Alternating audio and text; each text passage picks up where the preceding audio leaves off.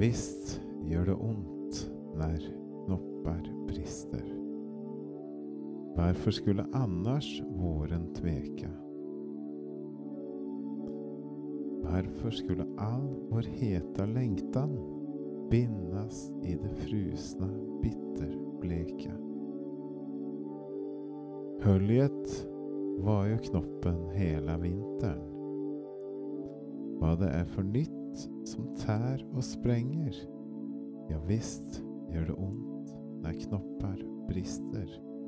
For ondt for det som vokser, og for det som stenger.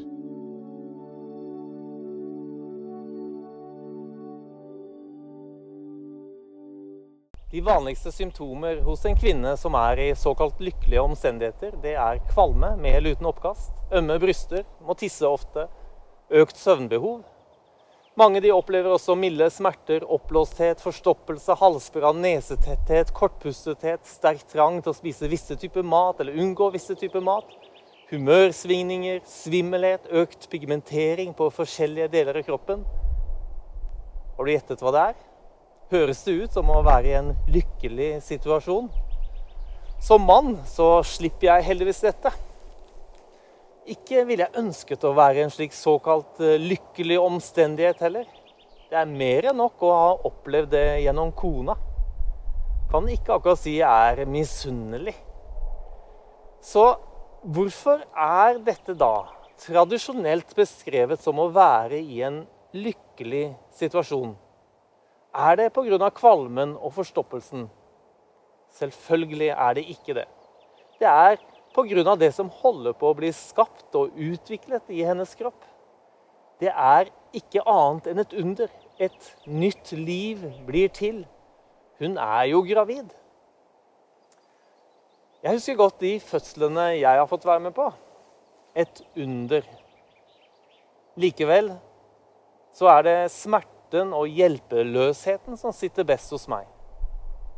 Men spør du kona mi, så er det ikke det hun husker. Bare barnet som kom. Og Det er slik Jesus beskriver det i Johannes 16, når han forbereder disiplene på smerten som skal oppstå ved hans død, og gleden de får når han har oppstått fra de døde. Han sier, når en kvinne skal føde, er hun engstelig, for hennes time er kommet. Men når barnet er født, har hun glemt smertene i sin glede over at et menneske er kommet til verden.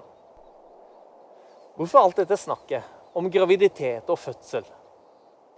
Det er fordi det er det som best beskriver ordet 'salig', som bergprekenen i Matteus 5, 6 og 7 begynner med.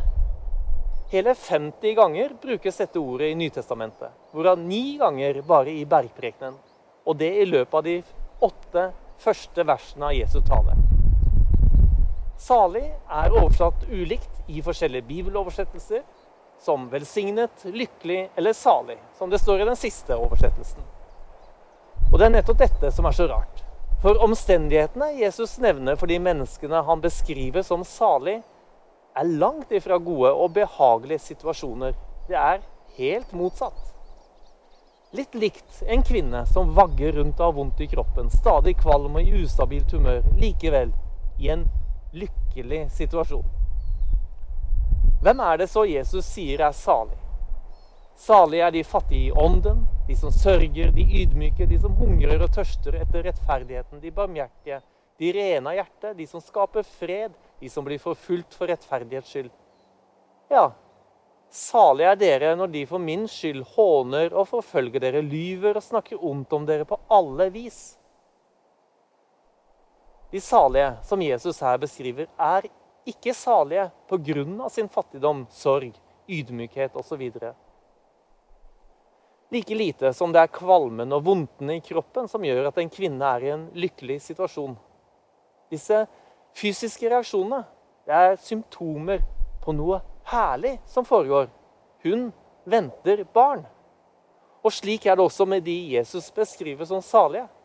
Det er tegn på at noe er i ferd med å skje. Himmelriket er deres. De skal trøstes. De skal arve jorden. De skal mettes. De skal få barmhjertighet. De skal se Gud. De skal kalles Guds barn. De er salige rett og slett fordi himmelriket er deres.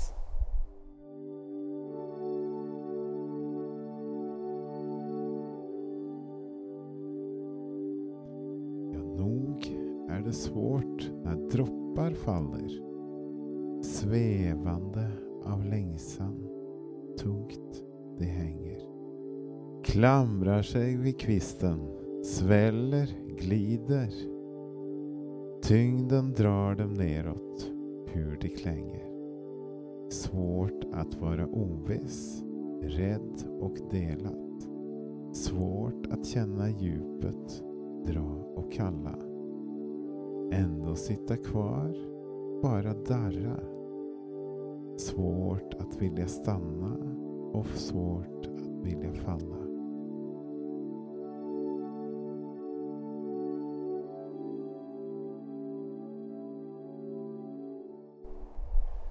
Lik kvinnen som har smerte mens hun venter på at barnet skal bli født. Slik er det med et menneske som opplever seg fattig i seg selv.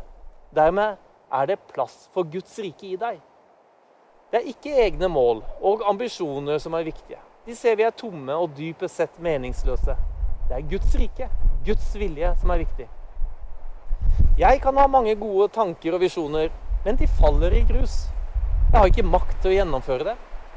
I hvert fall ikke i en slik grad at det er noe som blir stående for all ettertid.